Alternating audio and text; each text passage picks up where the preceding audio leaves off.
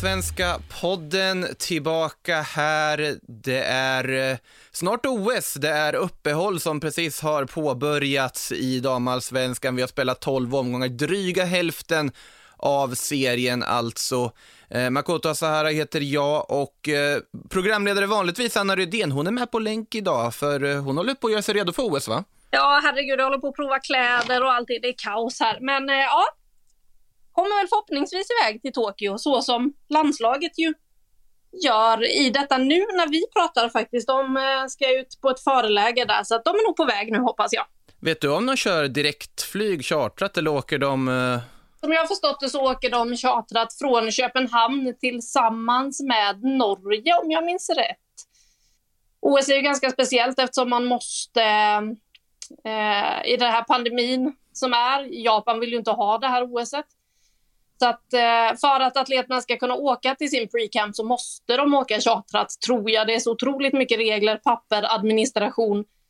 Eh, en del på SOK vet nog knappt vad de heter längre efter att ha hållit på med all den här administrationen. Så att de har gått ihop med Norge som väl då också, antar jag, har sitt eh, förläger i just Fukuoka för att eh, komma direkt dit. Ja, Köpenhamn finns ju direkt, eller linje från också. Stockholm, Köpenhamn, Japan är ju en linje som funnits sedan ett tag tillbaka. Får hoppas att allting går bra med resan där för dem. Det blir ju träning då i Fukuoka först, följt av då ja, att man åker till Tokyo där de kommer att ha själva matcherna, i alla fall i Tokyo och omnejd. Eh, du har ju varit i Göteborg också, vi kan väl börja där liksom. Hur, eh, hur verkar stämningen i laget? Ja, men de verkar må så otroligt bra. Eh, det är lite så här, Jan Andersson var ju inne under herrarnas EM på att Sverige skulle åtminstone vinna VM i gruppsammanhållning och eh, ja, där känns det nästan som att herrarna de får nog stryk av damerna för de verkar må så otroligt bra. De verkar ha det mysigt när de går upp. Alltså att ställa klockan på 05.30 det kan ju avskräcka vem som helst men det verkar det här gänget tycka är ganska mysigt att gå upp och sätta sig och ja, försöka akklimatisera sig till tidsomställningen. De börjar så smått redan i Göteborg så att eh, ja, de verkade väldigt glada. När jag var där var det ju visserligen då inga damallsvenska spelare. Just för att de eh, har spelat i veckan. Det var bara utlandsproffsen som haft lite semester som fanns på plats. Så att, ja, de verkade glada och laddade. Det ska bli spännande att se vad de eh, kan lyckas med i Tokyo faktiskt. Jag tänkte precis säga att men uh, Anvegård och Björn anlände ju där och sen de är ju inte damallsvenska spelarna mer. Nej, de är ju inte det. Och de kom, jag, jag hade redan flytt fältet då, tyvärr. Eh, ah. Eh, alla damallsvenska spelare. Det är ju tio stycken som eh, till vardags, eller i våras i alla fall, har spelat i damallsvenskan. De kom på, anslöt på lördagskvällen tror jag och så var de med då på träningarna på söndagen. Bland annat Anna Anvegård och eh, Nathalie Björn som ju den som lyssnar på den här podden förmodligen redan vet eh, spelar i Everton efter OS-uppehållet. Ja, det är, det är ju Everton alltså. Vi har ju varit ute och skrivit det också här från Sportbladet tidigare om just Everton. Nu är det också bekräftat. Det blev så här Eh, symbiosbekräftat på något sätt, fast lite omedvetet där när man kastade ut en bild på Nathalie Björn och skrev Anna Anvegård först och så vidare. Men, men... Det är jobbigt att liksom värva två blonda svenskor samtidigt och göra en liten mix-up så att, ja nej. De fick nog bakläxa och lite panik när de insåg att de hade råkat lägga ut bilden på Nathalie till texten om Anna Anvegård. Det påminner om när eh, det var någon amerikansk klubb som presenterade sin nya tränare som var den gamla nederländske landslagsbacken Japp Stam och hade hittat en annan flint gubbe istället och hade på bild. vi har en ja. ny tränare, vi tog fel bild på honom. Det, är inte, det var inte riktigt likt heller. Så att det, var, det kan bli fel. De är inte så lika liksom Nathalie Björn och Anna Anvegård heller. Så att den är ju väldigt... Nej väldigt tydligt att de har värvat dem med en sorts paketlösning i alla fall. Det, det, det ja, de kom samtidigt. Det var mycket, mycket tydligt i den där presentationen. Men om vi håller oss till det sportsliga där, alltså spontant känns ju det här som jättebra flyttar för dem. Verkligen. Eh, alltså Everton är ju ett lag som, om jag minns rätt, slutade sexa i Women's Super League förra säsongen. Som nu har som ambition att eh, ta en Champions League-plats, alltså sluta topp tre i Women's Super League och de värvar ju inte bara Anna Anvegård och Nathalie Björn, de eh, värvade också Tony Dugan i veckan. En prestigevärvning för Everton såklart. Flyttar tillbaks gör hon ju. Exakt. Så att det känns ju oerhört spännande att se vad det här Everton blir och det är ju kul också med Women's Super League att det är lite fler som rustar för även om vi har pratat ja, ett tag nu om hur bra de engelska lagen är och att de satsar och sådär så är det ju så att Chelsea, Manchester City, Arsenal har varit lite i en egen division. Eh, därefter har ju United också försökt jobba sig upp men sen så har det funnits i ganska droppande skala kvaliteten på de lagen som är, liksom, är i botten av tabellen har inte varit så himla bra. Så att, eh, det ska bli kul att få se allt fler rusta och fler vara med och slåss om det också så att det blir tuffare matcher där. För en del matcher där har ju inte varit sådär vast spännande om man ska vara helt ärlig och eh, kolla på. Nej, och Everton just det är ju ett väldigt nysatsande lag som har en väldigt tydlig idé om att de ska slå sig in och verkar ha en ha en väldigt bra plan för det överlag. Det har varit lite struligt i, i Manchester United samtidigt som man har förstått det, så att det känns som att Everton Alltså om man inte går rakt in i Chelsea City eller Arsenal just nu så är Everton kanske det mest intressanta laget att välja i den här Super League just nu. Ska rätt, eh, jag som kan live-googla här samtidigt kan säga att det var till och med femma de kom faktiskt. Så ja. att det är ju, det är ju ett bra lag och det är också en miljö där det känns fin möjlighet att spela till. Björn ska väl användas som mittback dessutom primärt och värvas som mittback. Det är ju en position som kanske är väldigt utvecklande och säger också mycket om hur Everton litar på henne att ta det ansvaret och gå in i ett mittlås och leverera på, på den nivån. Så att eh, otroligt kul övergång för dem. Rosengård har ju, de har inte riktigt latat sig med att ersätta de här spelarna. och De är, de är redan klara ersättarna i just de här två fallen. Ja, så är det ju. Det, det händer ju så otroligt mycket. Om man bara ska vara kvar lite, lite i Women's Super League så tycker jag också att det är kul för intresset för ligan för svensk del att vi får in Anvegård och Björn i en annan klubb än just de här du nämnde som toppklubbarna Chelsea City Arsenal i ligan. För att ja, men de ser man ju redan att det kommer in fler svenskar i ett annat lag, att det blir mer intresse kring Everton. Vi har nu då Jonas Eidevall in i Arsenal, kommer ju bli oerhört spännande att följa. Jag pratade med Zecira Musovic eh, om det. Hon hade ju honom i Rosengård innan. Numera eh, spelar hon i Chelsea och eh, hon längtade också efter att se eh, Jonas Eidevalls temperament i Women's Super League. Se hur mycket han kommer stå och skrika på sidan. Och så sa hon ju det också. Bara, Äh, språket är ju absolut ingen barriär så att eh, han kan nog synas och höras lika mycket som han har gjort runt om i eh, damallsvenskan när han kliver in eh, i Arsenal. Så att det känns ju eh, otroligt häftigt att se allt som kommer hända där när den säsongen då drar igång efter OS. Jag satt och räknade lite här om man, om man blickar ut utöver, vi kommer till Rosengårds nyförvärven också såklart, men alltså om man tittar på toppen av Europa nu, för det är ju andra som inte har direkt med damallsvenskan varit där tidigare, men nu för tiden liksom långt ute i proffslivet, som ska på OS här, som också har bytt klubb, Fridolina Rolfö till Barcelona, ja det är ju en enorm övergång såklart. Det blev ju klart nu, Amanda Ilestedt i Paris Saint-Germain, också två lag som spelar semifinal mot varandra i Champions League förra säsongen. Och så börjar jag fundera lite på vilka klubbar i den absoluta toppen som inte har svensk representation det är väl bara City?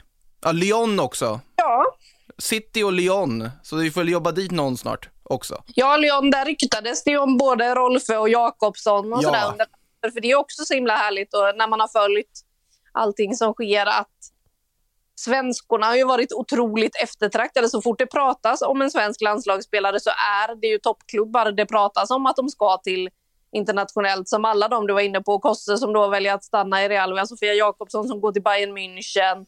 Där har vi redan då Hanna Glas. Amanda Ilestedt lämnar där för Paris Saint-Germain. Så att, äh, det är ju otroliga klubbadresser på alla de här spelarna. Och jag tänkte på det att liksom, när jag var liten och eh, körde mina otroligt få träningar tyvärr som fotbollsspelare jag blev väldigt trött när folk inte höll sina positioner och eh, tyckte själv att jag var världens bästa vänsterback. Det är inte jätteroligt när man är nio och alla andra bara springer efter bollen.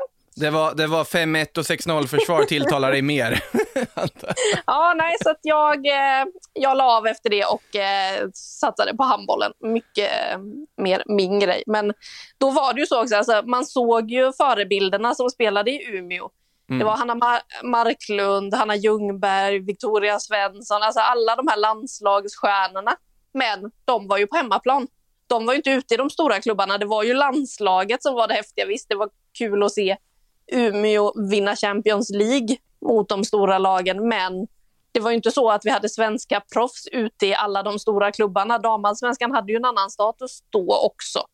Eh, det var, fanns topplag här som verkligen var ute och slogs. Nu finns ju Rosengård också, men det är ändå Rosengård har en ganska bra bit upp till de här europeiska toppklubbarna när det gäller förutsättningar och möjligheter och ekonomiska muskler såklart. Så det är en annan verklighet för unga tjejer som växer upp idag och det tycker jag är så otroligt häftigt. Det borde ju också göra att vi får ännu fler svenskor framöver ute i de stora klubbarna för nu kan man börja drömma om att ja, nej, men jag ska bli fotbollsproffs. Det hur, kan vara hur självklart som helst för en tjej på samma sätt som det liksom har var, alltid nästan har varit för unga killar som har suttit och tittat på sina idoler i de stora klubbarna. Ja, men det där är ju verkligen någonting som skett just de senaste åren för att bara, man, man pratar ju om att det var en stor boom efter VM 2019.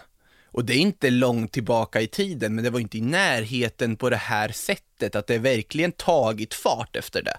Och jag tycker man kan se det, även om vi har gått, eh, ur svenskt perspektiv, gått från att Damallsvenskan är en serie som de absolut största stjärnorna tar sig till. Förr så, alltså Marta var väl som bäst i Umeå liksom, när hon var på topp.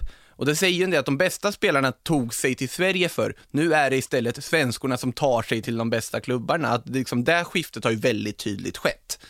Och nu är det ju också även på svensk nivå att nu kan man ju växa upp och, och då drömma om att men jag vill spela för AIK, Djurgården eller Hammarby. Om vi, om vi tar liksom ur ett eh, Stockholmsperspektiv, eller jag vill spela för Malmö FF, jag vill spela för Häcken, jag vill spela för IFK Norrköping. Det går ju att drömma på det här sättet på ett helt annat sätt idag också än vad det gick för flera år sedan. Och dessutom om man tittar ännu längre att ja, men jag vill drömma om att spela för Barcelona eller Real Madrid en dag så är det en möjlighet. Det finns en möjlighet om du jobbar tillräckligt hårt och tillräckligt mycket talang och, och karriären går som du planerar så kan du ta dig dit och bara det är ju enormt häftigt, verkligen. Ja, och också det här, alltså damallsvenskan har ju fått en annan plats i den här hierarkin. Vi ser ju att det fortfarande är många som ser det här som ett bra steg, som om man tittar på till exempel Sveindis Jonsdottir i Kristianstad, en otrolig talang som ju redan är värvade till Tyskland men då utlånad till Kristianstad för att ta ett steg här och eh, det som hon pratade lite om då var att hon var förvånad över hur bra matcher man får här. Alltså att man verkligen får tufft motstånd vecka ut och vecka in. Att det är ett bra steg innan man tar det där steget ut i Europa. Så det tycker jag ju också känns bra för svensk del att det steget finns att damallsvenskan är konkurrenskraftig på så sätt att det finns många bra lag i den, att det, man vet att det kommer bli tuffa matcher. Vissa ligor är ju fortfarande så runt om att det är väldigt, väldigt stor skillnad på toppen och botten. Och visst, man kan se en del av det i damallsvenskan med, men inte riktigt på samma sätt, utan det är taktiskt skolade lag. Vi har lite av en annan kultur här, vilket gör att eh, det är en bra liga för unga spelare att komma fram i. Att, ja, men som Anna Anvegård sa, att hon hade nu varit i Rosengård i två och ett halvt år och känner sig redo att gå vidare.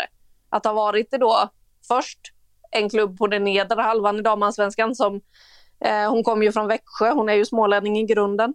Gick till Rosengård, fortsätter att ösa in mål där och sen då ytterligare ett steg. Så att det finns liksom verkligen utvecklingspotential för spelare genom att spela i damallsvenskan. Och det tror jag att vi kommer få, fortsätta få se, för vi får ju vänja oss vid att eh, damallsvenskan inte är den här toppligan i Europa som den var där i början på 2000-talet när vi hade Umeå ute i Champions League. Eh, nu hoppas man ju såklart att Kristianstad som är först ut och spelar mot eh, Bröndby i eh, Champions League-kvalet, sen även Rosengård och Häcken då när de kliver in, att de tar sig till gruppspelet i Champions League och kan vara med och störa lite och få in pengar framför allt för att sen utveckla vidare. Eh, det är de förhoppningarna man får. Att eh, Rosengård gick ju väldigt långt i år sett mm. till liksom, var damallsvenskan faktiskt är i hierarkin. Eh, att vara topp åtta i Europa, det är ju faktiskt stort. Även om vi då är bortskämda sedan början av 2000-talet när man satt och tittade på Umeå och tänkte att har Sverige blivit så dåligt nu? Ja, men kolla på herrallsvenskan. Hur ofta har vi ett herrallsvenskt lag topp 8 i Europa? Nej, de spelar Conference League nu för tiden istället. Exakt, nu har de ju dessutom hittat på nya turneringar där. För att de rika klubbarna ska få mer pengar. Ja. Men det, men det är ju, en, det finns ju ganska enkelt, om man ska göra en sån jämförelse med liksom herrligehierarkin, så skulle man ju säga att alltså damallsvenskan är väl femte rankad i Europa idag. Och om man då jämför då på herrsidan så är det som franska ligan, som ligan, som ändå anses vara en väldigt bra liga, det är ett steg uppåt och man liksom det är ett väldigt bra steg, det är väldigt bra fotboll. Sen har kanske inte, det går inte att jämföra Rosengård med PSG kanske riktigt i liksom status utomlands, men om man ser total liganivå så är, säger den ändå ganska talande. Det viktiga för damallsvenskan nu är att hålla sig på någon sorts ligannivå i jämförelse med, ja, till exempel den engelska, tyska, spanska ligan. Och inte hamna på en typ nederländska, portugisiska liganivå, vilket också är helt okej, okay, men att man ändå håller sig lite över det om man då ska göra en direkta jämförelse med her herr, herrligehierarkin så att säga. Eh, men det ska bli spännande att följa hur, hur, det, hur det utvecklas. Det är i alla fall roligt för sporten som helhet att det som sker, sker just nu, tycker jag i alla fall. Men ska vi prata om vår, vår egna svenska liga då, damallsvenskan här? Absolut. Eh, det är ju det vi trots allt gör och vi kan väl komma in på de där Rosengårds nyförvärven, ett Rosengård som leder serien när vi nu går på sommaruppehåll med ganska behagligt avstånd ner till BK Häcken avfärdade här Växjö med 5-0 precis innan då uppehållet startade. Det var väl, finns väl inte jättemycket att säga om den matchen egentligen, förutom att Rosengård gjorde precis vad som väntas av dem, eller? Nej, väldigt mycket så. Och eh, Växjö hade väl hoppats att de kunde, skulle kunna stå emot lite längre än vad de gjorde. Nu kom ju målet direkt eh, från Olivia Skog eh, och då var det ju kört. Eh, så kändes det ju. Sen rann det väl kanske iväg lite väl mycket, men ja, det spelar ju mindre roll. För Växjös del är det ju inte en match de ska ta poäng i och för Rosengård är det ju absolut det. Så det var väl fint. Och det som var bra för Rosengård var ju också att det var flera olika målskyttar och sådär. Sen att då både Nathalie Björn och Anna Anvegård fick göra mål. Spelarna Rosengård att... verkligen behövde få igång inför fortsättningen. Exakt, som de hade tackat av inför matchen. Ja. ja, men det visar ju ändå prov på bredden. Sen blir det ju spännande. Du var ju inne på att eh, Rosengård har värvat ersättare redan och det senaste är ju Loreta Kulashi från Eskilstuna. Jag tycker att eh, det ska bli spännande att se vad hon kan göra i den miljön. Vi såg ju vilka steg Olivia Skog har tagit sen hon gick till Rosengård.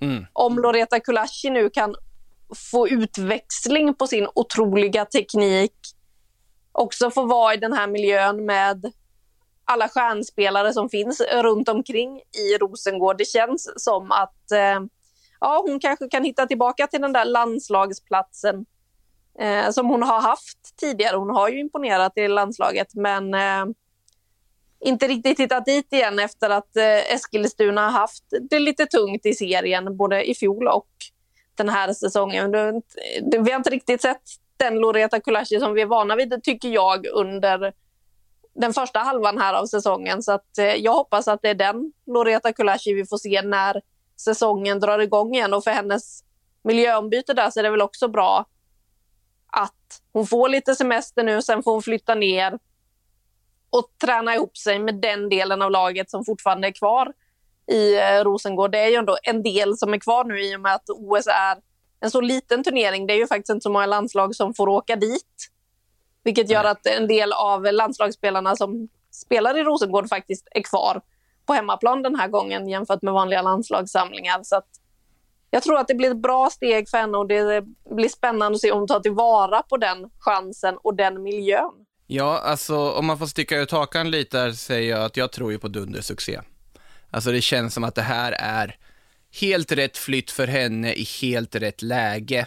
Att eh, komma till en, en klubb som Rosengård där det ställs lite andra former och krav, det spelas en lite annan, mer, kanske mer offensiv fotboll i ett bättre lag med bättre medspelare runt omkring sig också.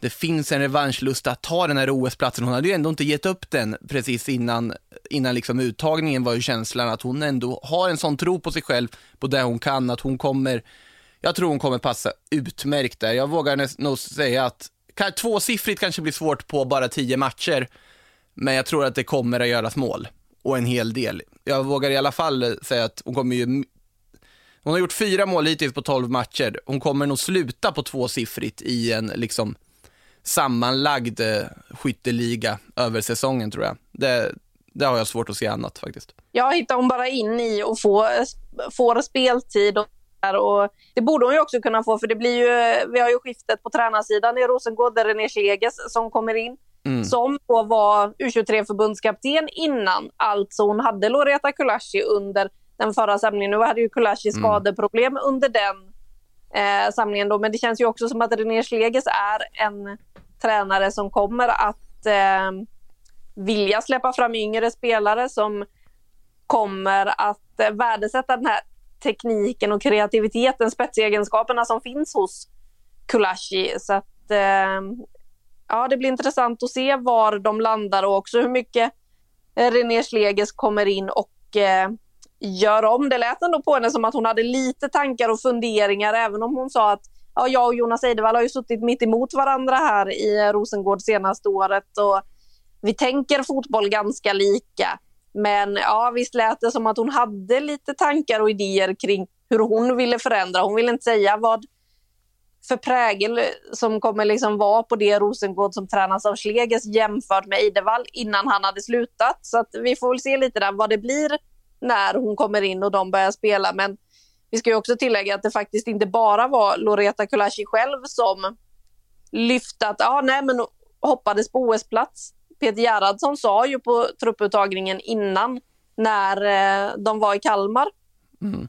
att en spelare som inte då skulle räknas bort från OS-truppen som han skulle titta på lite i U23-landslaget, ja, det var just Loreta Kulashi.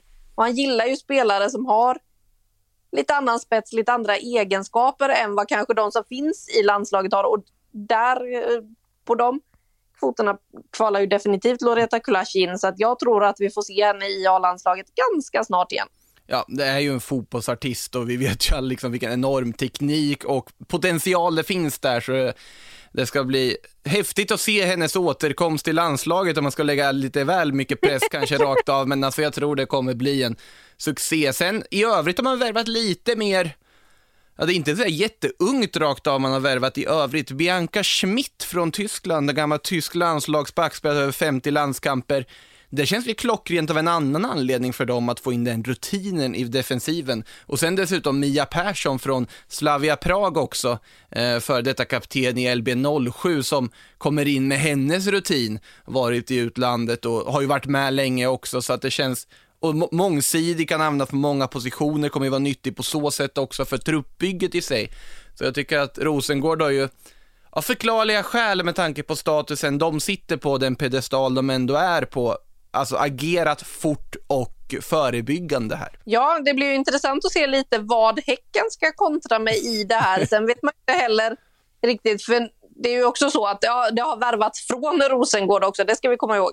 Eh, än så länge är det väl inga som har försvunnit från Häcken. Nej. Eh, så.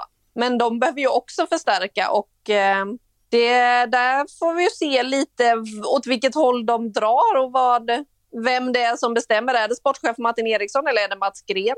Ja, vi får väl se vad det blir för eh, nyförvärv där och om de lyckas hålla kvar de spelarna de har. Ja, där har man ju åtgärdat vissa med de här danskar, danskorna som har kommit in, som båda är landslagsspelare dessutom, Stine Larsen och eh, Mille Gail Jensen. Det, det, ska ju vara väldigt duktiga spelare som vanligtvis en klubb av damallsvensk kaliber idag inte riktigt ska vara aktuella att plocka in. Så att de ska ju bli väldigt spännande att få se i den här i den miljön och se vad de kan tillföra, för där kan ju också mycket väl bli väldigt lyckade rekryteringar för dem. Sen är frågan om det är för att täcka upp en truppsituation som den är idag, eller om det är värvningar som är gjorda främst primärt för att täcka upp en framtida truppsituation. Det vet vi inte. Det känns väl ändå som att de lite behöver täcka upp för den trupp de har ja. idag. Sen, ja, de har lite skadeproblem, absolut. Eh, så är det ju. Men tittade man på bänken i matchen senast mot Linköping så var det ju ganska skralt med ersättare. Det är ju inte så att eh, Linköping blev livrädda av att se det som fanns på bänken i Häcken, vad man liksom kan byta in, utan det var ju många yngre spelare som Molly Johansson, Johanna Svedberg, Nelly Nygren och sen då de två man bytte in, Dylan Holmes och Evelyn EJ. Hanna Wik saknas ju skadad. Mm. Eh, Sigiotti skadad. Det är klart att det finns en del där som man hoppas få tillbaka in i truppen, men de behöver ju bredda truppen för att nu blir det en höst där det dessutom då kommer ett Champions League-kval och man vill ju fortsätta jaga Rosengård. Jag har pratat lite med Filippa Angeldal efter den här 3-0-segern. Eh, en av spelarna som just nu är på väg till Japan. Och hon sa ju det att eh, ja, nu är det sex poäng upp till Rosengård. Eh, vi, vi, vi var sju poäng efter i fjol. Och alla vet vad som hände, så de har ju absolut inte gett upp. De har tittat i tabellen och minns hur det var inför då när Rosengård fick sin svacka på hösten och känner att det är klart att det kan hända igen. Och ska Häcken då orka med och hela tiden hålla sin form och fart uppe, ja då tror jag nog att det kan behövas någon mer värvning. Elin Rubensson vill ju helst inte spela högerback heller. Fast hon, hon gör det ju bra. Hon var ju riktigt bra tyckte jag här mot eh, Linköping. Det är ju hon som står för de flesta inläggen. Hon har ju sina offensiva egenskaper. Man vet precis vad man får av henne också. Ja, hon gör ju det bra, men jag tycker ju att hon är bättre på mittfältet. Eh, och eh, hon själv sa ju att det är där jag vill spela, så att eh, vi får väl se där lite hur man gör med det framöver. Sen har vi också Dilcha Sommers vilket nyförvärv det har blivit. Alltså, alltså, va, ja, där, där på, det var det jag tänkte säga också, att eh, när man då har lite tunnare trupp, då är det väldigt tacksamt att få en sån jackpot att det dyker upp en tonårig isländska där och vill provspela på våren. Och, och sen visar sig vara så pass bra att även ett A-lagskontrakt är ändå värt att ha i truppen. Och så visar de sig bli liksom matchavgörande borta mot ett av seriens bästa försvar. Och omedvetet klackar fram Mijatovic till 1-0, nickar in 2-0 eh, och är allmänt strålande har ju visat fantastisk form här precis innan uppehållet. De sa väl det att det är synd att det blir uppehåll nu liksom. Det var inte, inte bra timing för henne, eh, tanke på formen, men oväntat imponerande. Ja, det kändes ju lite som att eh, Häcken var sådär när hon kom och skulle provspela, för det är ju så att hon kom till Sverige med sin pojkvän Valgeir Lundahl Fridriksson som då spelar i Häckens herrlag. Hon flyttade hit med honom och sa liksom att ja, men jag kan väl få provspela i alla fall och fick ju det. Och eh, Häcken skrev kontrakt. Det kändes lite som att har vi tur så kanske hon kan spela i A-laget och i, ja, liksom hoppa i ja minuter. Sådär. Inte alls att de skulle få den här utväxlingen på den värvningen. Så att, eh, jackpot för Häcken ändå. Nu får vi hoppas att formen för Sommers håller i sig även efter den här sommaren när vi är tillbaka med höstsäsongen. Och eh, vi kan väl konstatera också att Häcken då som sagt lyckas slå Linköping 3-0. Alltså hade lite problem i början tyckte jag. Kändes som att Nilla Fischer hade väldigt, väldigt god koll på Stina Blackstenius och, och gänget och de visste mycket väl om hur formstark Blackstenius har varit, stängde ju igen helt där i princip, men sen då, Sommers hade de väl inte räknat med riktigt kanske, som, eh, som levererar här istället. Sen, sen ty, syns det också att Frida Månum saknas. Jag tycker ändå det gör det, även om spelare som Capox och Kano och Bredgård, de, de är duktiga på så sätt och de är ett hot framåt, men Månum behövs ju på något sätt och de måste ju hitta någon tydlig ersättare, även om de aldrig kommer helt kunna ersätta en spelare som Månum. Nej, det är ju en otroligt eh, svår spelare att ersätta med de kvaliteterna hon hade. Och så var hon ju kanske då lite för viktig för Linköping om man ska mm. se hur det ser ut nu. Och sen som du säger, det är klart att eh, Fischer hade stenkoll på Blackstenius. Hon var ju som ett plåster på ryggen på Blackstenius där i mitten. Men det var ju också väldigt starkt centralt försvar för Linköping. Man hade ju dessutom då Petra Johansson på mittfältet som hjälpte till där eh, och säkra upp i mitten. Så att i mitten kändes det som att man hade stenkoll. Men även om man tittar då på Linköping, på bänken där, ja, eh, unga spelare fanns på bänken.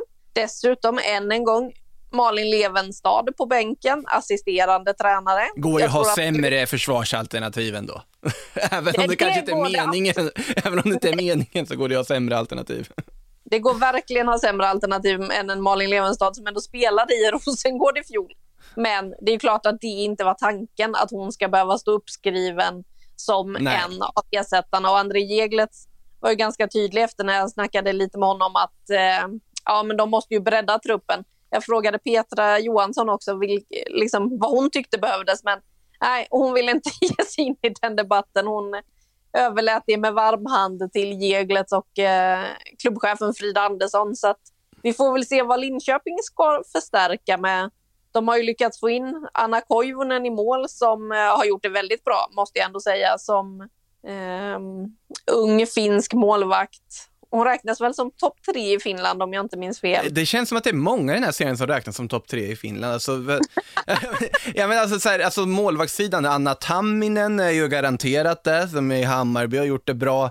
Milla Majasari som har gjort det väldigt bra också i AIK, som också får anses vara topp tre i Finland. Och så, det, det, nu vet jag inte, nu kanske det till och med är fler som man inte kommer på här på rak arm, men det känns som det är många, så det känns som flesta lag har så här, men vi har en målvakt som är landslagskaliber i Finland, det, det hör till på något sätt. Det är ändå fint. Ja, det... det sätter också lite perspektiv på vad Finland är på fotbollskartan. Ja, det, hela landslaget är väl typ i Sverige snart. Nästan. Ja, det är i alla fall väldigt många som eh, befinner sig i damallsvenskan. Så är det. Eh, på tal om lag som eh, behöver förstärka, det kommer ju vara väldigt många lag som behöver göra det. Och jag tänker att vi ska, om man ska ta en sorts summerande grepp, liksom man tittar på hela den här våren och sen titta framåt, ett lag som vi nämnt lite kort här men som vi också konstaterar kommer behöva göra någonting den här Transferfönstret är ju Eskilstuna, när Kulashi såklart försvinner, det är ju ett jättetapp. Nu har ju Felicia Rogic varit ganska formstark här på slutet också, gjort många viktiga mål, bland annat nu senast i segern mot AIK. Men också klart att Fanny Andersson lämnar, viktig spelare på kanten, eh, startat varenda match sedan de kom till Eskilstuna. Jag tror det är 56 matcher från start i damallsvenskan sen de kom till Eskilstuna. Och då har hon startat varenda match 2018 i Djurgården, 2017 i Örebro också.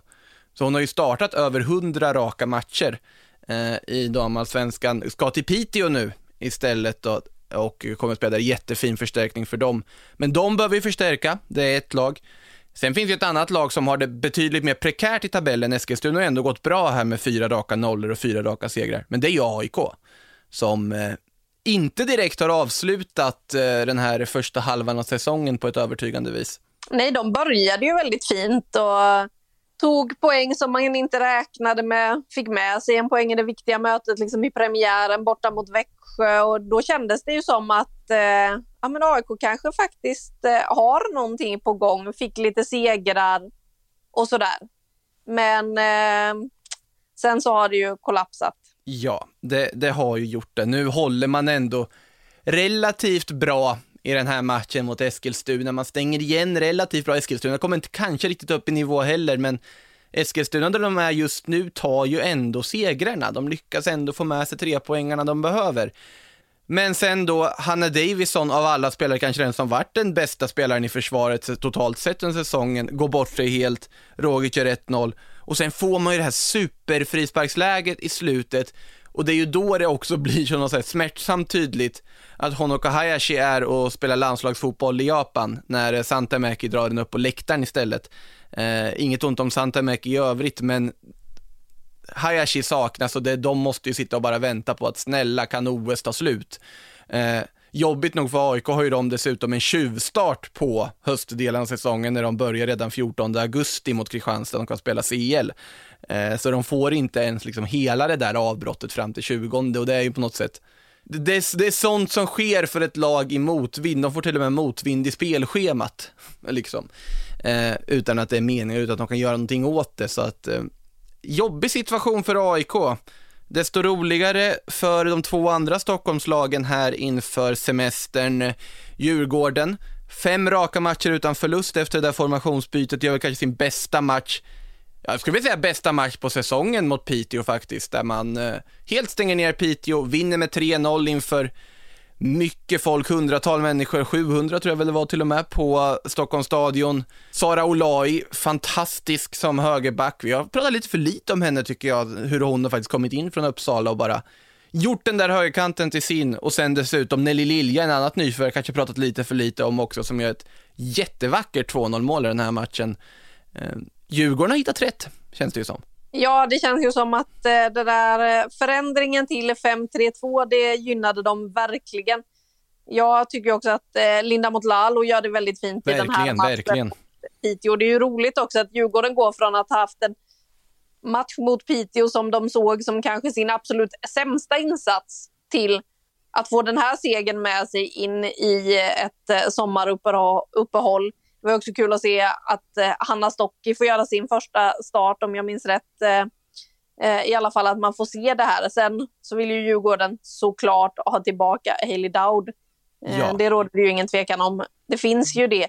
På så sätt eh, så kommer ju det här uppehållet eh, ganska efterlängtat för en hel del klubbar för att det finns ju spelare som är skadade som man hoppas få tillbaka och sådär. För tittar man på avbytarbänkarna på en del av klubbarna nu så ser det ganska skralt ut eh, den här sista omgången innan ett välbehövligt eh, sommaruppehåll där man då både kan försöka lappa och laga det man har men också fylla på och eh, fylla ut förhoppningsvis. Ja, det lär ju hända saker och det är ju precis sånt läge.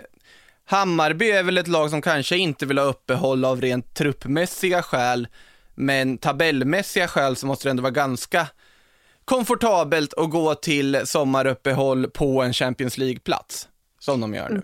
Verkligen. Eh, lyckas avvärja Örebro efter lite om och men. Örebro som hade ledningen i matchen, Karin Lundin som slog till för Örebro, inte lika defensivt präglat Örebro som mot eh, Rosengård eh, i omgången innan. Men sen är det ju Madeleine Janogy är ju i form, det vet vi ju och eh, det visar ju hon i den här matchen. Och sen Emilia Larsson, hon är ju också i form. Eh, skruvar in den här frisparken som ger segern då. 3-2 för Hammarby upp på Champions League-plats då vid eh, uppehållet. Och det har ju varit lite snack här, det var väl eh, våra kollegor på Expressen som skrev om Emilia Larsson och eh, eventuellt intresse från Rosengård och från BK Häcken. Spontant känns det som att det är helt uppenbart att klubbar som Rosengård och BK Häcken visar intresse för Emilia Larsson, till att börja med. Absolut. Sen så blir jag lite så här, vad ska Rosengård med Emilia Larsson till? Eller rättare sagt, vad ska Emilia Larsson dit och göra? För var ska hon få plats? Hon behöver ju gå rakt in i en startelva om hon skulle flytta på sig.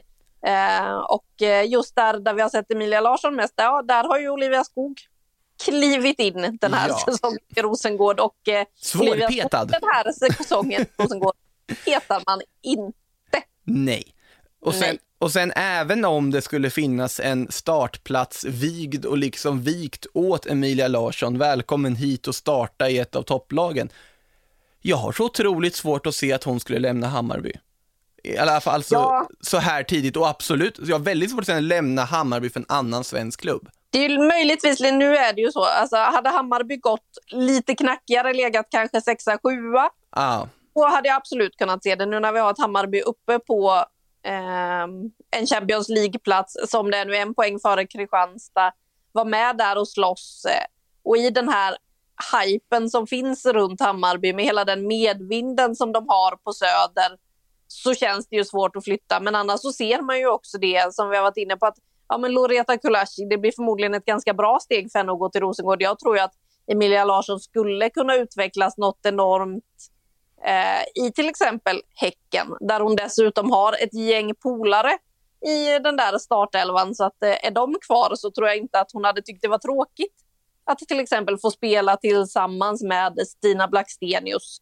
Eh, jag hade ju gärna sett de två ihop också. Det hade varit eh, otroligt spännande att se. Det känns som att det hade kunnat bli livsfarligt för motståndarna om eh, Emilia Larsson kommer och serverar en Stina Blackstenius in i boxen. Men eh, nej, när Hammarby ligger där de ligger så känns det ju svårt. Sen måste man ju komma ihåg att som det ser ut just nu så är det ju fortfarande Rosengård och Häcken lite i en klass för sig i den här serien, även om det bara skiljer fem poäng upp då för Hammarby till Häcken om man ser till just statusen på spelarna som finns i startelverna så är ändå Häcken och Rosengård lag med landslagsspelare på i princip varje position. Dit har ju Hammarby och Kristianstad då som är de som slåss om, eh, ja till och med Eskilstuna. Eskilstuna är med och slåss om det där, det är de. Ja, och där är det ju inte landslagsspelare på alls lika många positioner. Det finns landslagsspelare här och där, men det är inte alls så att det är en hel startelva full av landslagsstjärnor från olika länder. Så att Häcken och Rosengård är ju ändå fortfarande lite en klass för sig. Så är det ju. Men eh, ja, Hammarby i alla fall då på tredje plats här eh, inför då uppehållet. Eh, hade ju ett Skånederby här i slutomgången också, Vittsjö mot Kristianstad. En match som präglades av två lag som gör väldigt stabila insatser. Vittsjö på så här standardsätt, de är ju alltid stabila. Men Kristianstad som studsar tillbaka från det här överkörningen de fick av BK Häcken senast, håller nollan här, skapar en del, liksom åtminstone halvchanser och någon farlig målchans också, men 0-0, inte kanske den ett derby som kommer gå till historien som ett av de mest underhållande om man får säga så. Men på något sätt ingen kris för någon. Finns det inte så mycket mer att säga om den matchen va? Eller har du någonting Anna? Nej, låt oss eh, väl säga att det var ungefär som när de möttes tidigare den här säsongen. Det var inte heller den roligaste matchen. Det var ju mest snackisen. Vi hade ju med Ebba Hed efter det där derbyt för att de fastnade i bilkö. Det var mest det vi snackade om, att man behövde skjuta på avsparken och sådär. Eh, så jag är lite besviken på underhållningsvärdet i de här två derbyna, att det inte har funnits mer att ta på i dem. Men ja, det är ju två stabila lag där nere i Skåne och ligger ju otroligt nära varandra faktiskt. Det är ju det derby på riktigt. Ja, det där är ju verkligen derby och då, då hör det väl till att det inte ska vara så underhållande också. Derbyn brukar Men man vill ju också verkligen att det ska smälla lite då och vara känslor och sådär. Inte ens det att... fick vi. Nej, jag tycker att man kunde haft lite mer av det i alla fall. Eh, det hade jag önskat i där derbyt. Allt vi fick i målväg var ett Sandra Adolfsson självmål efter en timme på, eh, liksom, i Kristianstads hemmamatch. Det var allt i målväg. 1-0 till Kristianstad och 0-0 i de här två, två derbyna totalt sett. Alltså att, eh, ja, stabilt men inte jätteunderhållande i de där derbydrabbningarna. Och det var väl, vi har väl gått igenom alla matcher då från den här slutomgången, men jag inte helt har glömt bort de stackars lag. Eh, Eh, och där tabellmässigt vill jag konstatera är ju att Rosengård har en serieledning på 6 poäng. Ni, ni, känner ju till det här egentligen, men vi kan dra det ändå, om ni mot förmodan inte visste det. Eh, det känns som att man lyssnar på fel podd om man inte riktigt har koll. Ja. ja. om ni är inne på den här podden utan att ha koll, varmt välkomna. Jättekul att ha er här, skulle jag säga då. Eh, oh, jag hoppas ni är ja, verkligen. Jag, hopp jag, hoppas, jag hoppas det finns folk som inte har aning om vad vi pratar om som är inne här också. Eh, Växjö, sist. Fortfarande sex poäng upp till ett AIK som vi redan har pratat om, inte direkt har gått som tåget här på slutet och sen Piteå där nere och KIF Örebro också till viss del indragna i den där bottenstriden. Om vi då ska försöka summera första halvan säsongen innan vi beger oss till OS och börjar fokusera på landslag här i några veckor. Vad är den största positiva överraskningen för dig, Anna, och den största negativa överraskningen? Ja, men den största positiva får jag väl ändå säga att vi har nämnt vid namn här. Eh, Emilia Larsson och hennes Hammarby. Eh, jag tycker att de eh, faktiskt har växt ut mer än vad jag kunde tro. Alltså jag trodde att de skulle hålla till kanske sexa, sjua någonstans där under vårhalvan och sen möjligtvis trilla ner något hack. Jag kommer inte ihåg exakt vad jag satte dem i tabellen. Eh, sådär, men att sen när hösten kom att ja, men sjunker kanske några snäpp. Nu är man uppe på en Champions League-plats och eh, spelar ju ett otroligt roligt spel. Man har också hypen från fansen runt omkring. Bortaföljet sist var ju enormt att se, vilket eh, jag också hoppas att man får se mer av eh, under hösten nu när vi förhoppningsvis får in mer och mer publik på arenorna. Där kan man ju också säga att i de här lagen där vi har herrlag också, som Hammarby, Häcken, AIK, Djurgården, där har man ju sett att damspelarna är på plats på herrmatcherna nu när herrallsvenskan startar dem. Jag hoppas ju att vi får se det även åt andra hållet under hösten att eh, herrspelarna mm. faktiskt tar sig till någon av matcherna för sina damallsvenska lag. För att även om man kan säga vad man vill om det där, men det sänder ju ändå ett signalvärde ut till fansen att visa. Eh, jag vet att jag pratade, det är ju några år sedan nu, men eh, med Hedvig Lindahl när hon var i Chelsea. Eh, och hon pratade så otroligt varmt om hur David Luiz verkligen ställde upp och syntes och sådär. Och också då vilket snack det blir runt lagen att faktiskt också då de manliga spelarna, det behöver inte vara de största stjärnorna som är på plats, men att man ändå är där, tittar eh, och eh, sätter det som exempel för de fansen som följer spelarna, för spelarna har ju stora plattformar idag. Så är det ju. Mm. Eh, och då kan man faktiskt på ett väldigt, väldigt enkelt sätt bara skicka en, en liten signal att det här är värt att se. Så det hoppas jag att vi får se i höst. Eh, negativt är ja, dels det AIK håller på med när när man byter in en målvakt som utespelar. Ja, hon må ha spelat som utspelar innan, men uppsatt som målvakt, förlorar med jag orkar inte ens räkna vad de har på de senaste matcherna. Det är så otroligt mycket insläppta mål. 0-17 måste vi vara uppe på på fyra va? För det var ju bara ett ja, de släppte in senast. Exakt, även om de då lyckades släppa in bara ett mot Eskilstuna så måste ju AIK ta sig i kragen. Men den största besvikelsen, det är ju Växjö som inte har vunnit än, som bara har gjort tre mål.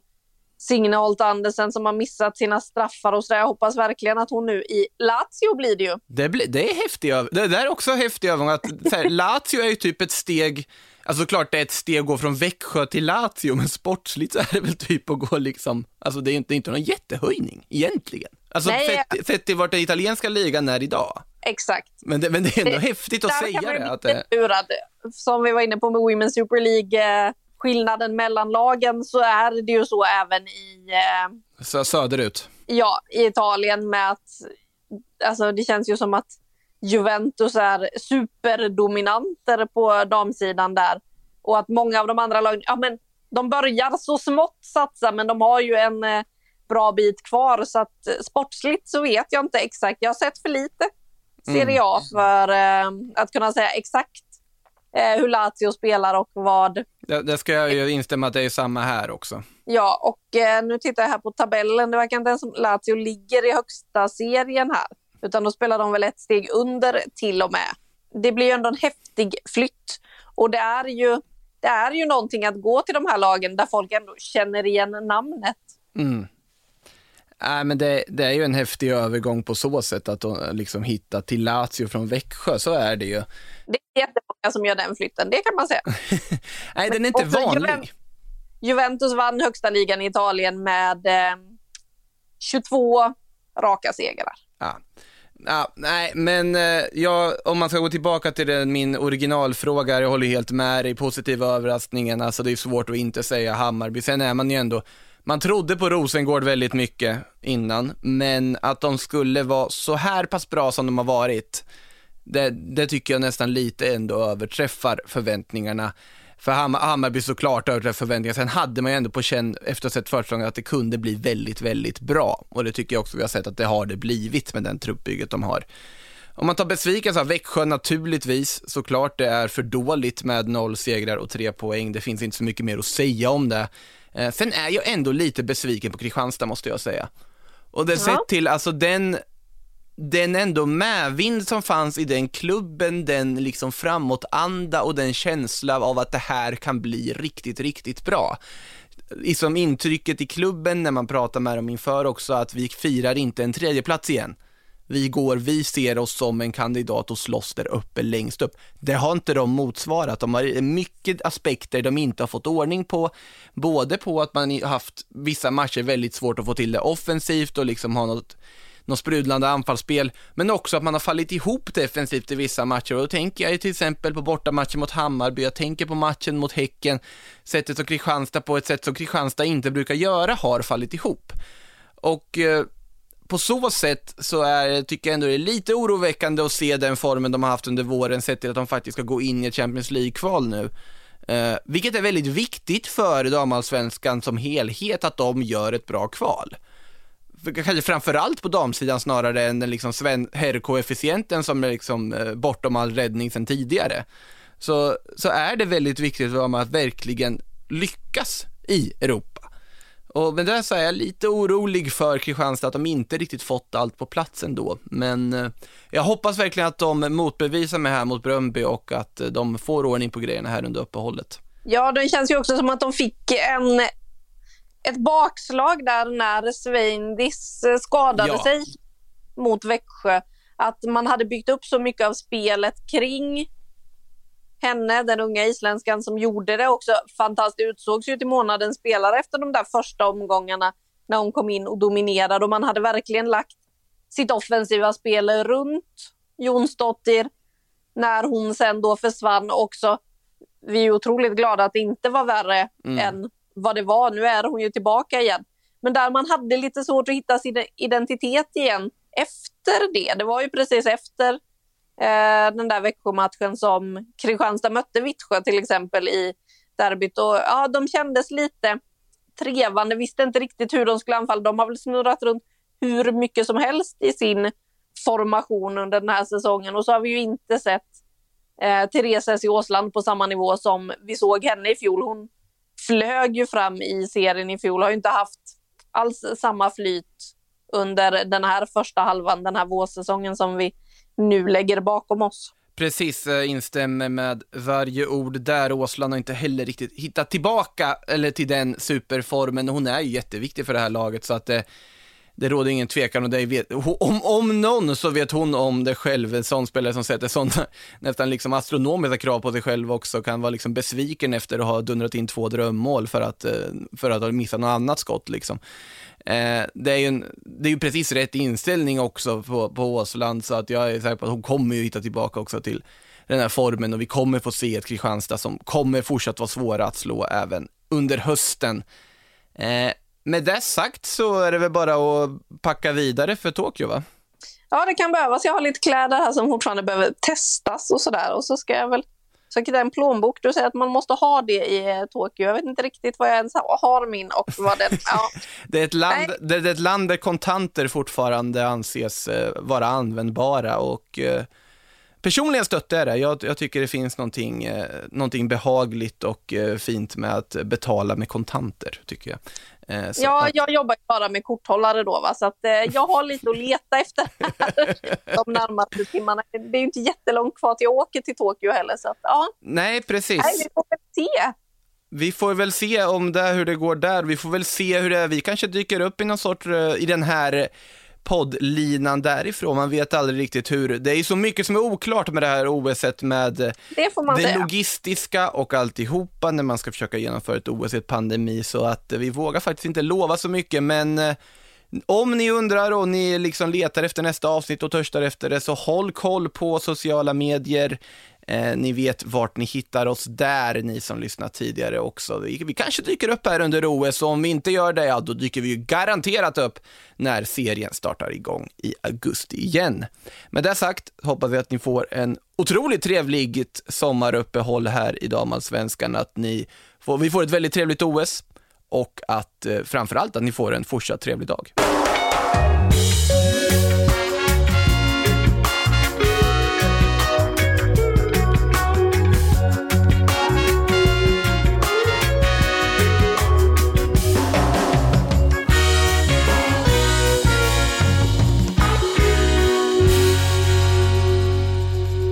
Du har lyssnat på en podcast från Aftonbladet.